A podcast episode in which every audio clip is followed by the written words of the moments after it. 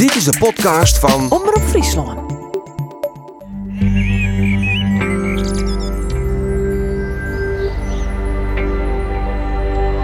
Dit is Beklimmers, de podcast. Is het platteland ta on een nij verhaal? In elk geval stiert dus maatschappij voor een soort verorings. En waarom zou het platteland daar net in vooroprennen kennen?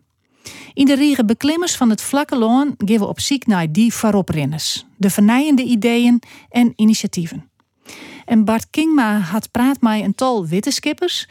En in deze eerste aflevering gaat het eens over uzelf, hè Bart? Ja, ja, we tochten van, uh, nou ja, was de zoist, uh, het platteland zo best wel eens de sleutel, de kaai in hand herkennen in die vernijing, werd we uh, vastingen. Er gebeurt ik al een heel soort op het platteland, dat willen we graag, graag zien graag ik een, een podium, Jan. Ehm, maar tegelijkertijd ken je er natuurlijk ook net omheen dat er een soort weerstand is in vernijing. En helemaal als die vernijing zeg maar wordt, dat er uit Den Haag uh, of uit Brussel weer wat op je aankomt, dan, dan steen wij gauw. Uh, maar de haken in Maar de haken in zo'n. En dat is ik wel te begrijpen. Um, maar, maar daar zit natuurlijk een spanningsveld tussen uw eigen wil om best wel vernijden te wollen en uw weerstand zien als die u opleiden wordt. Dus ik dacht van, voordat we nou in zo'n serie uh, al die mooie initiatieven en al die mooie mensen zien Maar wat eigenlijk eerst ter hoe u zelf. Wat is eigenlijk uw eigen houding, uw eigen mentaliteit? Is die misschien te bot Calimero-achtig of net? Hoe zit dat nou precies? En toen ben we op gaan naar mensen die, die, die ter echt iets, iets over vertellen kunnen. Wat, wat, wat u de eigen misschien wat beter iepen het. En we kwamen bij Hans-Peter Benschop. Hans-Peter Benschop is filosoof. En die had een essay schreven. Um, en dat neemt hij Verbeelding in Schemergebied. En dat vond ik allemaal een hele mooie titel. Um, want hij zei dat platteland is een soort van, van skimmergebied. Daar komt alles bij elkaar. Uh, het juster en het licht en, en de dag en de oude is maar. En, en Um, maar dat gaat dus ik over het platteland, dat verhaal? Dat verhaal gaat over het platteland. En wat hij die, hij bezocht in dat essay heel goed uit te lezen. Eigenlijk wat uw vraag uh, wie van wat, wat, wat is er hoorn op het platteland, maar die mentaliteit. Waarom is er altijd zo'n spanning tussen de plattelander en de randstedeling, of tussen de plattelander en de wetenschapper, of tussen de plattelander en de bestuurder? En hij neemt er een paar heel wezenlijke uh, dingen in. Hij zei de plattelander die uh, leeft in een soort van neemt hij circulair tijdsbesef. Die gaat mooi in het ritme van de dag, in het ritme van de weken, in het ritme van de seizoenen. Die past de eigenlijk onder omstandigheden. Ja, precies. En een, uh, een politicus of een bestuurder die uh, bedenkt een plan en die zet er een tijdlijn bij en, en die snijdt eigenlijk toch dat circulaire tinken heen. En daar gaat het mis. En dat hield ik van, van het gebroek van begrip van nou, we hebben nou, ik neem maar wat, een probleem met stikstof. En dus uh, boer is stikstof, is probleem, zeg maar. Maar die boer, en gaat net alleen over boeren, ja, dat gaat ik hoor dus al een keer. Um, mijn wereld uh, bestaat niet alleen uit stikstof, of alleen nog uit fosfaat, of alleen nog uit, uit krimp, of, of wat ik maar het thema is. Uh, op het platteland gaan die dingen alle keer erom elkaar heen. Dat had al je maar elkaar te maken zien. En daar zit ik een spanningsveld. Nou, en Hans-Peter Benschop, en is nog een trede, um, dat is de lege kaart. Een bestuurder shot vaak naar het noorden en, of naar het platteland en denkt van hé, hey, dat is een leeg gebied, daar kunnen we nog van alles. Dus, dus dat zijn een aantal elementen die hij heel goed uitlooit. Uh, waarom had een, een, een beleidsmaker of een wetenschapper heel oors naar de vrouw shot als wat een plattelander hem beleeft. En daar zit de spanning. En Hans-Peter Benschop, die koe is dat geweldig goed uitlezen. En we dachten, dat verhaal willen we eerst eigenlijk optekenen voordat we in deze serie verder op gaan naar de, naar de. We zullen luisteren naar eh, het interview dat stootmaker hast Bart Mai Hans-Peter Benschop.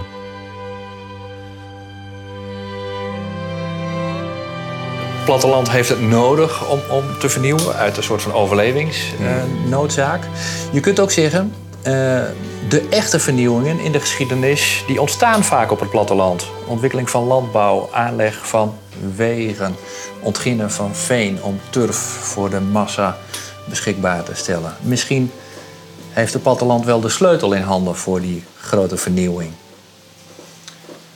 Nou er is in ieder geval ruimte. Uh, ruimte om activiteiten te ontplooien, fysieke ruimte. Maar ook wel een soort ruimte in uh, geestelijk opzicht. Het is mensen, er is een soort vrijheid die je voelt op het platteland. Bijna een soort anarchisme van dingen uitproberen, aanklooien. Die ik wel, die, die, die, eh, ja, die zonder meer vernieuwing in de hand werkt. Er zit ook een soort conservatisme in, de, in, in, het, in het landelijk gebied. Het zit er allebei, allebei, dus je moet dat ook weer niet overdrijven. Maar ja, ik kan me daar iets bij voorstellen.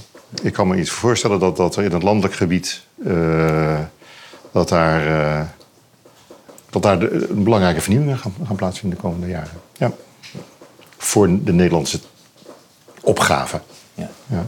Waar, ligt dan de worsteling van het platteland? Want je, je voelt aan de ene kant, je ziet ook dat er links en rechts best dingen gebeuren. Dat, dat, dat er vernieuwingsdrang is. Er zijn allerlei initiatieven met energiecoöperaties, met voedselcoöperaties, noem, maar op. Aan de andere kant voel je ook steeds veel weerstand tegen vernieuwing. Vooral als die wordt opgelegd zeg maar, door Den Haag of, of, of door eh, eh, de Randstad. Waarom heeft die plattelanden zo'n ingewikkelde verhouding met vernieuwing? Ik denk, eh, kijk, datgene wat wij nu doen, ons dagelijks leven, datgene waar eh, eh, de mensen in het landelijk gebied mee bezig zijn, of dat nou landbouw is of andere dingen, dat komt niet voor niks. Dat, hè, dat, is, dat, is een manier van leven geweest en een manier van produceren en een, een manier van wonen die in de loop der tijd ontstaan is en die evolutionair eh, het goed gedaan heeft, want anders was het weg geweest. Eh, dus er is een hele manier van. En manieren van leven verander je niet zomaar. Er zitten allerlei aspecten aan van, van fysieke aspecten. Dus, dus van, van eh, noem maar wat. Als je het over landbouw hebt. De, de, technologie is er. De financiële constructies zijn er. De banken zijn er. de, de, de markten zijn er. En dat is allemaal geoptimaliseerd. En eh, dus datgene wat er is, dat, dat is eigenlijk datgene wat er is, wat, datgene wat bestaat, over, is, een, zijn, is allemaal overlevers. Dat zijn, die, die hebben de evolutie overleefd.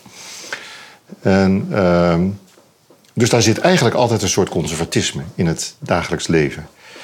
En er moet. eh, Is dat anders dan in de stad?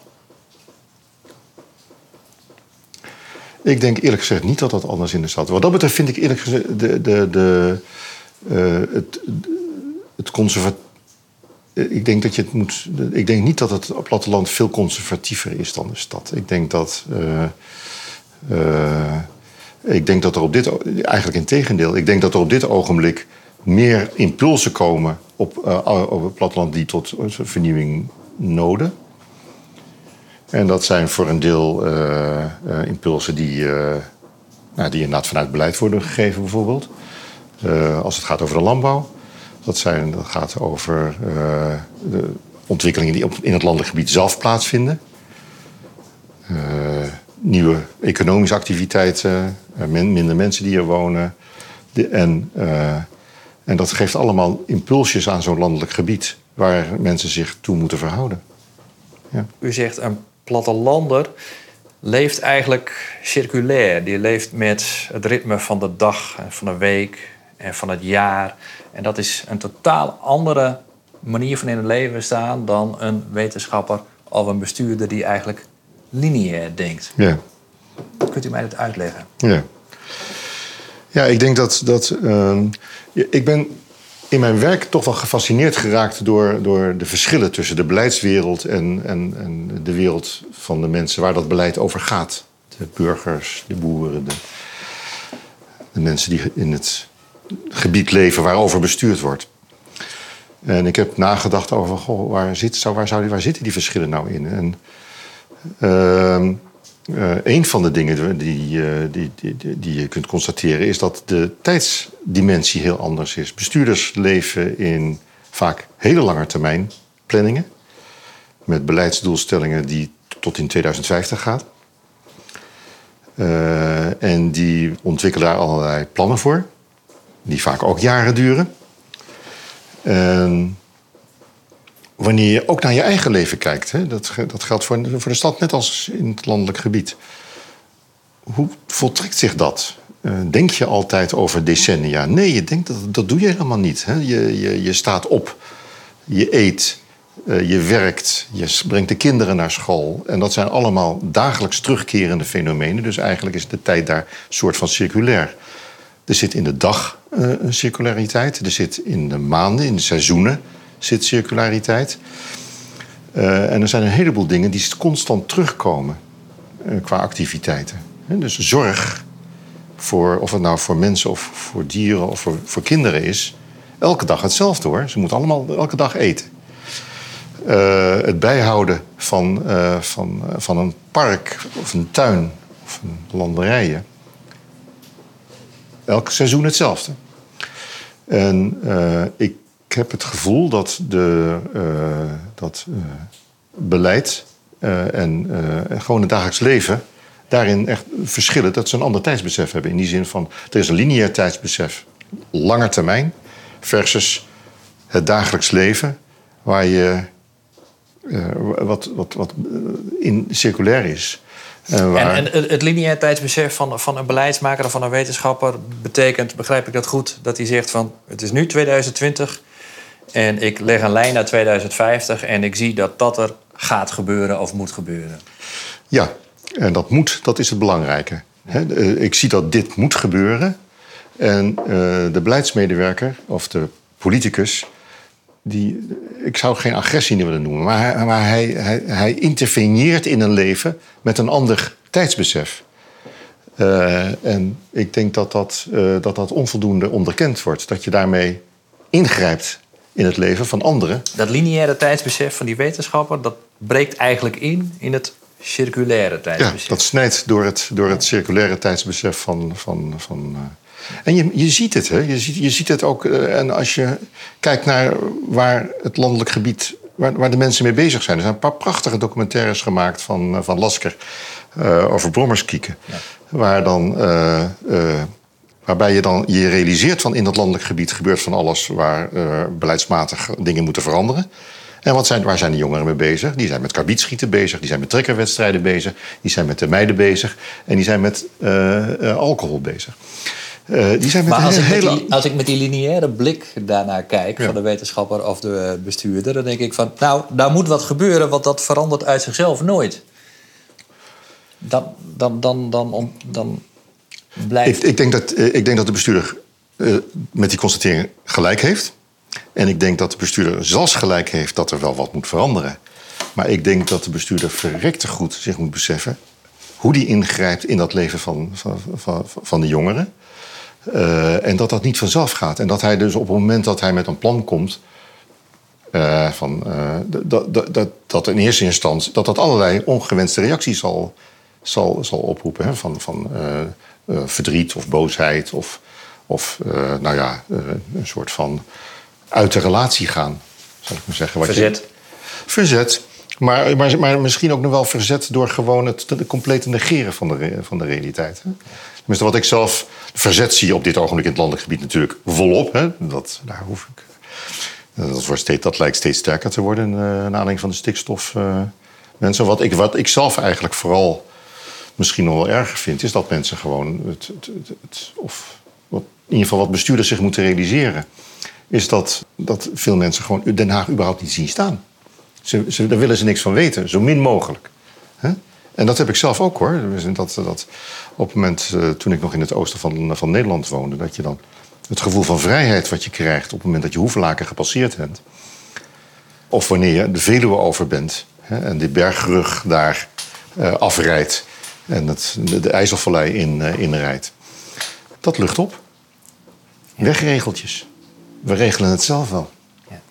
En dat gevoel, dat is er. En ik denk dat mensen daar rekening mee moeten houden op het moment dat je beleid maakt over het landelijk gebied. Dat anarchisme. Ik vind het landelijk gebied in ieder geval, het is niet overal hetzelfde. Maar er zijn behoorlijke uh, delen van, van, van, van, in het landelijk gebied.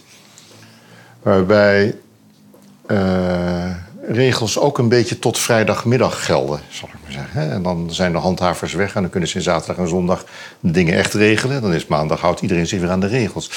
Dat, uh, en ik denk, ik keur het niet goed of zo, maar het is er. En mensen moeten zich dat realiseren.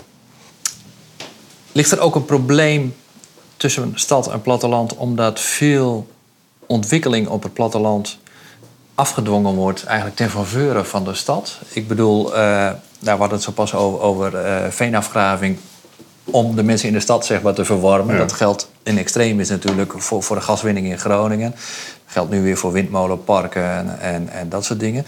Ligt daar ook een van nature eigenlijk een probleem tussen stad en platteland. Omdat het platteland zich daardoor altijd toeleverancier en dus ondergeschikt voelt? Ja, de, ik, ik, denk dat gevoel is er zeker. Uh, het is ook wel een soort van gevoel van de, daar in de stad of daar in Den Haag of daar in weet ik waar. Begrijpen ze ons niet en uh, ze hebben geen belangstelling voor ons. Ik moet eerlijk zeggen dat ik dat ook altijd wel een beetje gebagatelliseerd heb. In mijn, en ik denk ook van ja, het is ook een beetje zeur, een zeurhouding. En ik weet ook niet of je er veel verder mee komt mm. met die houding. Ik zou zeggen, dat gevoel van miskenning, het, het, het lost niks op. Pak dan zelf maar aan, zou ik zeggen, in plaats van te verlangen dat anderen meer aandacht aan je schenken. Ja, ik denk eigenlijk dat, dat je moet zien dat, dat er, dat, hoe verschillend die werelden zijn. En dat geldt voor de, het tijdsbesef. Het geldt ook voor uh, de manier van kennen van de werkelijkheid. Ik geef een voorbeeld. Uh, wetenschappers die, uh, die, denken, die analyseren de werkelijkheid en dat doen ze met begrippen en theorieën. Nou, wat een wetenschapper altijd moet doen, is die begrippen zo helder mogelijk formuleren. Dus je krijgt allemaal prachtige definities van whatever. Hè? Of het nou het gaat over luchtkwaliteit, of over de bodemgesteldheid, of over de demografie. Ze werken met heldere begrippen, en dat zijn, en dat, maar dat zijn steeds doorsnijdingen van, een bepaal, van de realiteit. Het zijn steeds perspectieven op de realiteit op een hele bepaalde manier. Dus een econoom denkt in markten en in consumenten en producenten. Een demograaf denkt in mensen. Een bioloog denkt in soorten wezens. Een klimatoloog denkt in CO2-equivalenten. En die beziet de wereld op die manier. Helemaal goed. En ik wil wetenschap ook op geen enkele manier disqualificeren. Hè? Dus de, de, theorieën, ze worden onderzocht. Er worden empirische bewijzen onder, onder, uh, onder, onder, uh, ondergebracht. Maar je moet je wel realiseren dat dat perspectieven op een realiteit zijn die een, anders is, een ander is dan de geleefde werkelijkheid. Een geleefde werkelijkheid is wanneer je als mens in je tuintje zit, uh, je denkt na over de school van je, van je kinderen, uh, je maakt je zorgen over je werk, want je hebt nog een deadline. Uh, je ziet de rozenstruik die geknipt moeten worden. Je groet de buurvrouw, buurman die, die, die, waarvan je weet dat hij een zieke vrouw heeft. Daar zitten een heleboel dingen, spelen daar doorheen. Dat is een hele volle werkelijkheid. En die volle werkelijkheid is een andere dan die eendimensionale wereld van de wetenschapper. Die wetenschapper heeft helemaal gelijk. Hij wil die, hij wil die werkelijkheid begrijpen. En dat doet hij door middel van, die, van begrippen en door wetenschappelijke theorieën. Ik wil geen moment een scepticus, een wetenschapsscepticus zijn. Hè? Dus al die vraagstukken, al die mensen die zeggen van klimaat is, is maar een mening, klimaatverandering is maar een mening, daar ben ik het echt niet mee eens. Maar tegelijkertijd moet je je wel realiseren dat op het moment dat je om klimaatverandering tegen te gaan of om de natuur te, uh, de natuurkwaliteit te verbeteren, als je dan actie wil van diegene die leeft in die wereld, dat dat een hele volle wereld is. En dat dat dus een andere wereld is dan jij, van, als, die jij als wetenschapper hebt geanalyseerd en als beleidsmedewerker hebt gereguleerd.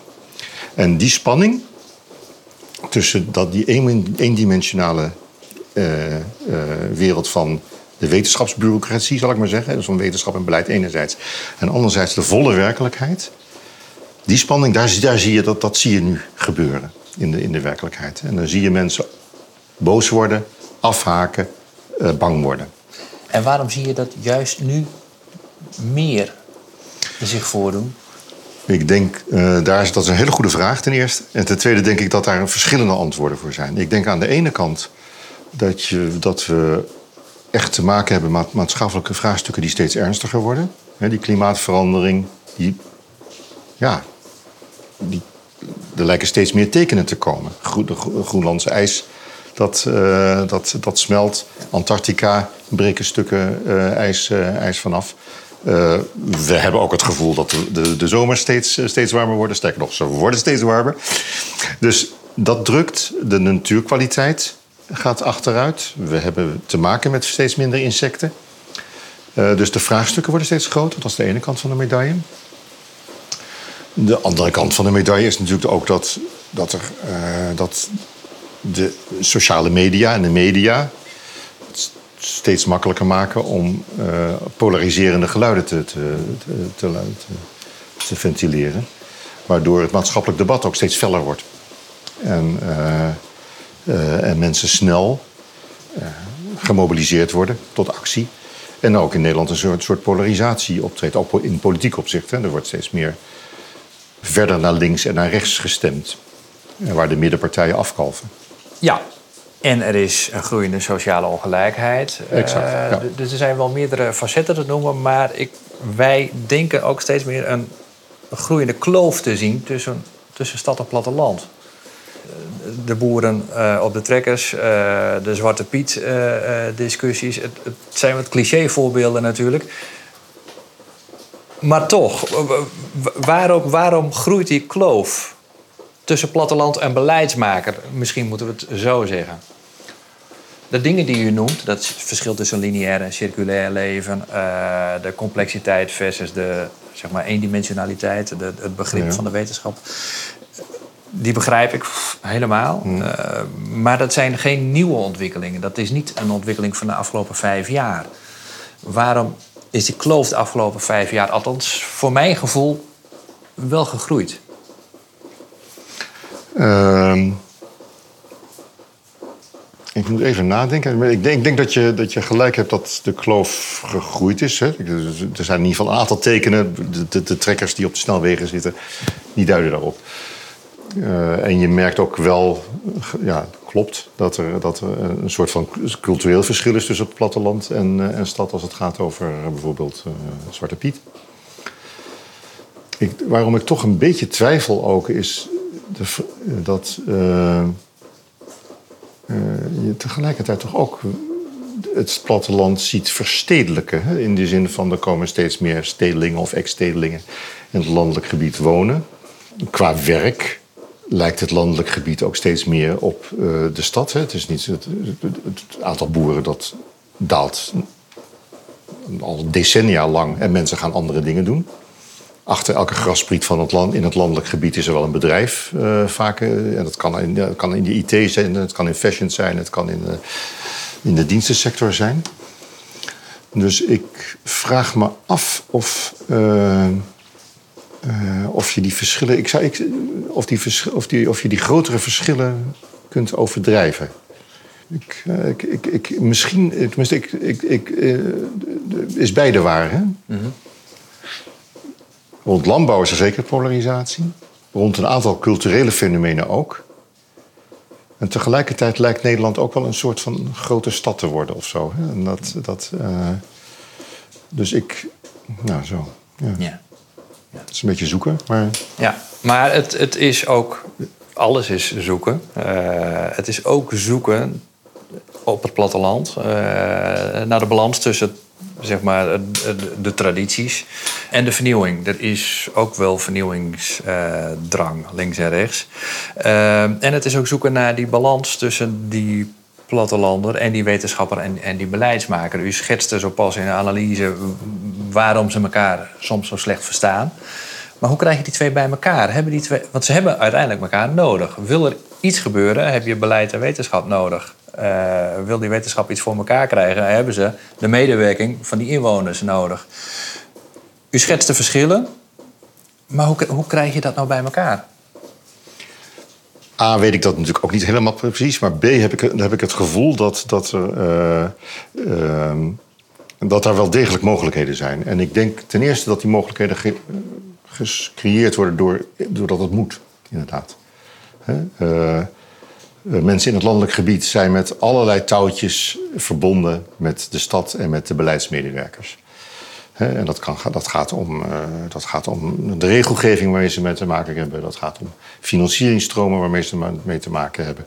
Dat gaat om uh, uh, de voorzieningen die in de steden zitten. Dat gaat, dus ze moeten wel. Aan de andere kant zie je beleidsmedewerkers ook steeds meer zoeken naar andere manieren van handelen. Ook beleidsmedewerkers merken: hey, datgene wat wij nu doen, dat werkt niet. Wij maken plannen, En steeds vaker uh, gebeuren er allerlei dingen die wij niet voorspeld hebben. Uh, en uh, achter elke beleidsmaatregel blijkt er wel weer een pervers gevolg te zijn. Dus je ziet het heel duidelijk in het landbouwbeleid van, de, van de afgelopen decennia. Dat er eigenlijk elke maatregel, of dat nou Mansholt was die op een gegeven moment uh, de, boer, de, ging stimuleren. Of juist weer dan het afbouwen van de melkplas. Uh, de melkquota die kregen steeds perverse gevolgen. Er waren steeds allerlei effecten die niet voorzien waren. Nou, wetenschappers of beleidsmedewerkers noemen dat dan ook wel de complexiteit van, van, van de maatschappij. Hè? Dus dat ze, er zijn geen eenduidige oorzaak-gevolgrelaties meer. Alles lijkt op alles met elkaar uh, van doen te hebben. Je ziet het helemaal extreem met uh, de, de, de, huidige economische gevolgen of corona. Hè. Dus er, gebeuren dingen die mensen niet voorspeld hadden. En dan kan je nog zoveel beleid maken. Dan komt het toch heel erg anders uit te zien. Dat heeft tot gevolg dat de wetenschappers, dat, dat, beleidsmedewerkers op een gegeven moment gaan zien van ja, dat er zit een grens aan de maakbaarheid. Er zit een grens aan de voorspelbaarheid van de maatschappij. Uh, het simpele predict and act, hè, dus voorspellen en handelen uh, model, dat, dat kent zijn grenzen. Vroeger vroegen we wetenschappers uh, de maatschappij te analyseren, het probleem te analyseren, maatregelen te bedenken. Vervolgens ging de politiek daaruit kiezen. de, de, de, de maatregel werd geïmplementeerd, zoals dat heette. En de, uh, hij werd gemonitord en er werd gekeken van, nou, doet, doet hij wat hij moet doen? Uh, en als dat niet was, dan werd het beleid bijgesteld. Dat was een hele keurige, nette benadering om in die wereld in te grijpen. En, en, maatregelen te bedenken en beleid te formuleren. Daar, daar zitten dus grenzen aan. Omdat de wetenschap dat de ontwikkelingen niet meer helemaal kan analyseren. De, de, de, de, transities te ingewikkeld, te complex worden. Uh, economische factoren, uh, demografische factoren, technische factoren, waardepatronen die veranderen. Dat grijpt allemaal op elkaar in. En je weet niet aan welk touwtje je meer moet trekken. Wat kan je daaraan doen? Uh, ik denk eigenlijk dat daar een paar dingen moeten gebeuren. En één daarvan is. Ik, denk, ik, ik zou het eigenlijk in drie, drie, drie factoren willen noemen. Uh, en ze hebben eigenlijk allemaal van doen met verbeeldingskracht. Of een andere manier van maken. Ik wil uh, misschien als voorbeeld uh, het, het, verschil tussen een automonteur en een, en, en een beeldhouder.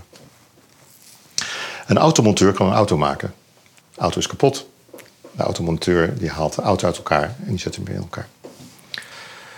Uh, dat is een wetenschappelijke benadering. je kan het probleem kan je analyseren in onderdeeltjes en je maakt het onderdeeltje en je zet het in elkaar. Je kunt het helemaal, helemaal doorgronden. Je kan het helemaal doorgronden.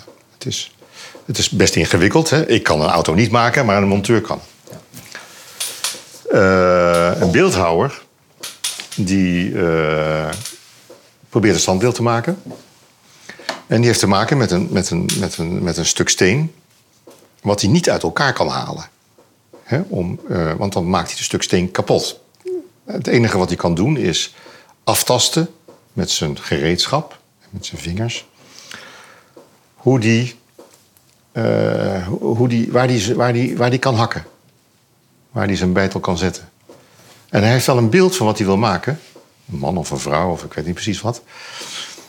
Uh, maar hij zal dat beeld moeten bijstellen op het moment dat de steen het niet toelaat.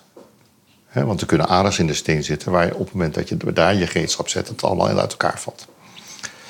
Dus het is veel meer tastend. En die tastende benadering, de, die, daar zouden we denk ik veel van kunnen leren als het over de maatschappij gaat. En dat, die kent drie elementjes denk ik. Ten eerste dat je wel met verbeelding werkt. Dus je hebt, je hebt een beeld voor ogen wat je wil maken. En ik denk dat dat voor het landelijk gebied belangrijk is. Dat we een beeld voor ogen hebben wat we kunnen met dat landelijk gebied. En dat is het fijne van een dergelijke van, van, van verbeeldingskracht en van beelden, uh, is dat dat ook mooie beelden kunnen zijn. Droombeelden. En het, eh, op dit ogenblik wordt het landelijk gebied heel vaak geconfronteerd met angstbeelden. Natuur gaat, uh, gaat, gaat achter, achteruit, uh, krimp, economie gaat slecht. dus met angstbeelden krijg je mensen niet in beweging. Met droombeelden wel. Dat is leuk, die wil je hebben. Dus ik denk ten eerste dat het beleid minder in rampen moet gaan denken, maar in dromen. Tweede is dat je, denk ik, je kan het niet bij dromen laten, hè, want dan, een dromen dat, dat is uh, vluchtig, vluchtige stuf. Je zal het moeten doen. En dan niet doen in, in de zin van wetenschappelijk, van ik weet wat ik moet doen. Want die auto of die maatschappij zit zo en zo in elkaar. Dus als ik dit doe, dan gebeurt er dat. Maar tastend. Als die beeldhouder. Uh, en dat betekent dat je als een ontwerper. Ik vind ontwerpend uh, onderzoek vind ik vaak heel mooi. Omdat je dan. Je maakt iets concreets. En dan kijk je wat werkt en wat niet werkt. En als het niet werkt, dan stel je het weer bij. Dus niet met te grote plannen. Rekening houden met de circulariteit van het menselijk leven. Rekening houden met de omstandigheden waarin mensen hun dagelijks moeten overleven. Kijken of je die droom kunt realiseren. Wanneer je een landbouwer of een, een, een, een landbouwbedrijf wil veranderen, moet je niet alleen maar in termen van jij mag dit niet of dat doen. Je moet, je moet ook denken aan het kind. Je moet denken aan de, het, het, werk van de vrouw. Je moet denken aan de omgeving waarin, waarin mensen uh, zitten. Dus de veelheid. En je moet ook denken in ritmes, in tijd. Want een landbouwer die net een schuur heeft gebouwd en geen, een, tot een ton schuld heeft, die zit anders in zijn vel dan dat hij af, af, afbetaald heeft of net, net, ja. net gestart is. Dus het gaat ook over ritme dat is waarom ik denk dat, dat het uh, goed is om uh, uh, niet alleen maar in een soort van beleid te zitten waar je wetenschappelijk kijkt van wat. en eendimensionaal kijkt van wat, wat er zou moeten gebeuren. We moeten stikstof verminderen, dus we gaan dat doen. Of we moeten minder CO2, dus we gaan dat doen. Maar dat we nadenken over natuurlijk Hè? Hoe zouden we het in de toekomst willen hebben, gegeven klimaatverandering, gegeven dat we iedereen, ook de boeren, een mooie natuur willen hebben. Uh, maar gegeven die veelheid aan factoren, en dat gaat over natuur, dat gaat over klimaat, dat gaat over het goede onderwijs, dat gaat over willen overleven, dat gaat over hè, welzijn, het gaat over de zorg. Met elkaar samen naar dat, dat landelijk gebied boetseren. En dat is, is bijna per, per bedrijf, per huishouden. En dat is heel erg intensief, dat realiseer ik me wel. Het is gewoon kijken, bijna persoonlijk kijken van wat, wat, wat kunnen mensen. Is dat te organiseren? Om het op zo'n manier te benaderen? Ik denk dat dat uh, uh, natuurlijk zijn beperkingen kent. Uh, ik denk dat we ehm, bijna niet anders kunnen. Ik denk dat het alternatief namelijk niet werkt. Tegelijkertijd moeten we ons realiseren dat er heel veel ondersteunende organisaties zijn geweest, altijd al uh, in, in Nederland. En die gingen wel degelijk de boerderijen af. Voor, voor deskundigheidsbevordering of voor wat dan ook. Dat is, op een gegeven moment is dat uh, uh, anders georganiseerd. Mm. Uh, maar dat kunnen we natuurlijk voor een deel weer terug, te, te, terug organiseren. Misschien op een andere manier, want je moet, je moet nooit de geschiedenis herhalen. Maar een soort van uh, uh, ideaal van concreet ideaal, concreet individueel begeleiding naar een nieuwe, naar een nieuwe bedrijfsvoering of een nieuwe manier van dagelijks leven, zou, denk ik dat dat mogelijk is. Ja. En is die. Ik, nee, laat ik het anders formuleren. Ik kan me voorstellen dat bestuurders. Uh, ten eerste denken van ja, maar we moeten er wel grip op houden. We moeten wel Eh, en, en vandaar dat we het eigenlijk verdelen in begrippen, zodat, zodat het behapbaar wordt waar we mee bezig zijn. Maar ik kan me ook voorstellen dat ze denken van die tijd is er niet, die tijd hebben we niet. We moeten, willen wij uh, snel ons vernieuwen, het zij in de landbouw, het zij in de zorg, het zij onderwijs, maakt eigenlijk niet uit welke discipline. Dan moet je niet dat aan die organisaties, aan die mensen, aan die plattelanders met hun circulaire denken zelf overlaten. Want misschien willen die wel, maar dat gaat veel te langzaam. Hebben we die tijd om het op die manier te organiseren? We moeten toch heel snel die biodiversiteit zien terug te krijgen, uh, uh, die krimp bestrijden, uh, het probleem met die fossiele brandstof zien op te lossen. Um, vergt dat niet juist dat je dan als wetenschapper en als beleidsmaker maar even moet, moet doordrukken? Uh, ik denk dat er zeker hand, uh, actie nodig is. Uh, ik denk dat het formuleren van doel, beleidsdoelstellingen, hoe ferm ook, op zich heel weinig betekent. Mm -hmm. Beleidsdoelstellingen zijn er bijna om niet gehaald te worden. dat is papier. En dat mensen moeten, mensen moeten zich realiseren. En zelfs actieplannen zijn blijven papier. Het gaat uiteindelijk om wat mensen doen. En dat doen, dat kost tijd. En dat doen kan je op verschillende manieren organiseren. Dat kan je van bovenop leggen. En je kan het ook zo organiseren dat je rekening houdt met de volheid van het leven. Uh, en ik denk eerlijk gezegd dat op het moment dat je dat laatste doet, dat je wel eens sneller reële verandering zou kunnen realiseren dan van bovenop gelegde plannen. Dus wat dat betreft denk ik dat. Uh, dat ik, en ik ben met je eens. Ik denk uh, dat, dat, er, dat, er, dat, er dat de natuur en zeker ook het klimaat actie gaan vragen. En ik denk ook dat er, best veel mensen uh,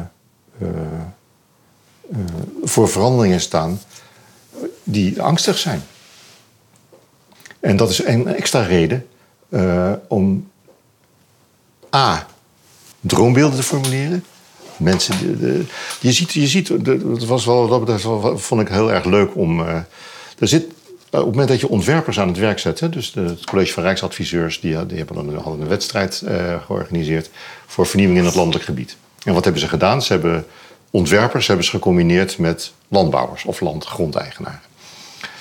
En door die combinatie krijg je mooie ideeën, krijg je verfrissende ideeën, krijg je humorvolle ideeën van, uh, van initiatieven van nieuwe type land, landgoederen tot een project als uh, wat, een eikels in, wat, een, wat een eikels in Twente. Uh, vanuit de gedachte van met eikels kan je, kan je nieuwe producten maken. En er zit een soort humor en een soort energie in, waar je, waardoor, je, waardoor je mensen in beweging krijgt. Energie, hè? dus, dus een, een aanlokkelijk perspectief, dat is het eerste. Tweede, gewoon doen. Uh, en dus niet plannen, maar gewoon doen en kijken waar het werkt en waar het niet werkt. En ten derde, eerlijk. Rekening houdend met het ritme van de mensen. En dat ritme, dat zal af en toe zal dat versneld moeten worden. En dat is zeker waar. Hè? Dat zie je ook. Je ziet het niet alleen in de landbouw. Je ziet het ook hier in mijn huis, zal ik maar zeggen. Wij, zitten, uh, wij moeten van het gas af. Nou ja, ik heb net uh, vijf jaar geleden een nieuwe verwarmingsinstallatie gekocht. Ben ik dan blij met, met, dat plan? Nee, natuurlijk ben ik dan niet blij. Heb ik dan op een of andere manier extra uh, stimulans nodig? You bet. en dat, dat, kan, dat kan zijn dat, omdat ik heel erg bevlogen ben voor duurzaamheid. Maar ik vind, zou een subsidieregeling ook wel heel erg tof vinden.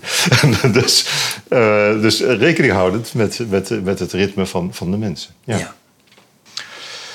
Dus ik zou het heel mooi vinden als er nu als er zoektochten zullen, zullen ontstaan naar een nieuwe type van beleid maken. Samen bouwen aan. Eigenlijk wat ik zou willen, zou willen proberen is om uh, beleidsmedewerkers uh, en politici en, die, en de bewoners van het landelijk gebied in diezelfde ruimte en tijd te plaatsen. En dat kan heel fysiek.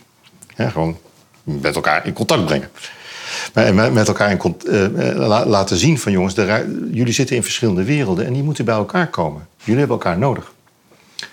En, uh, en hoe kan dat?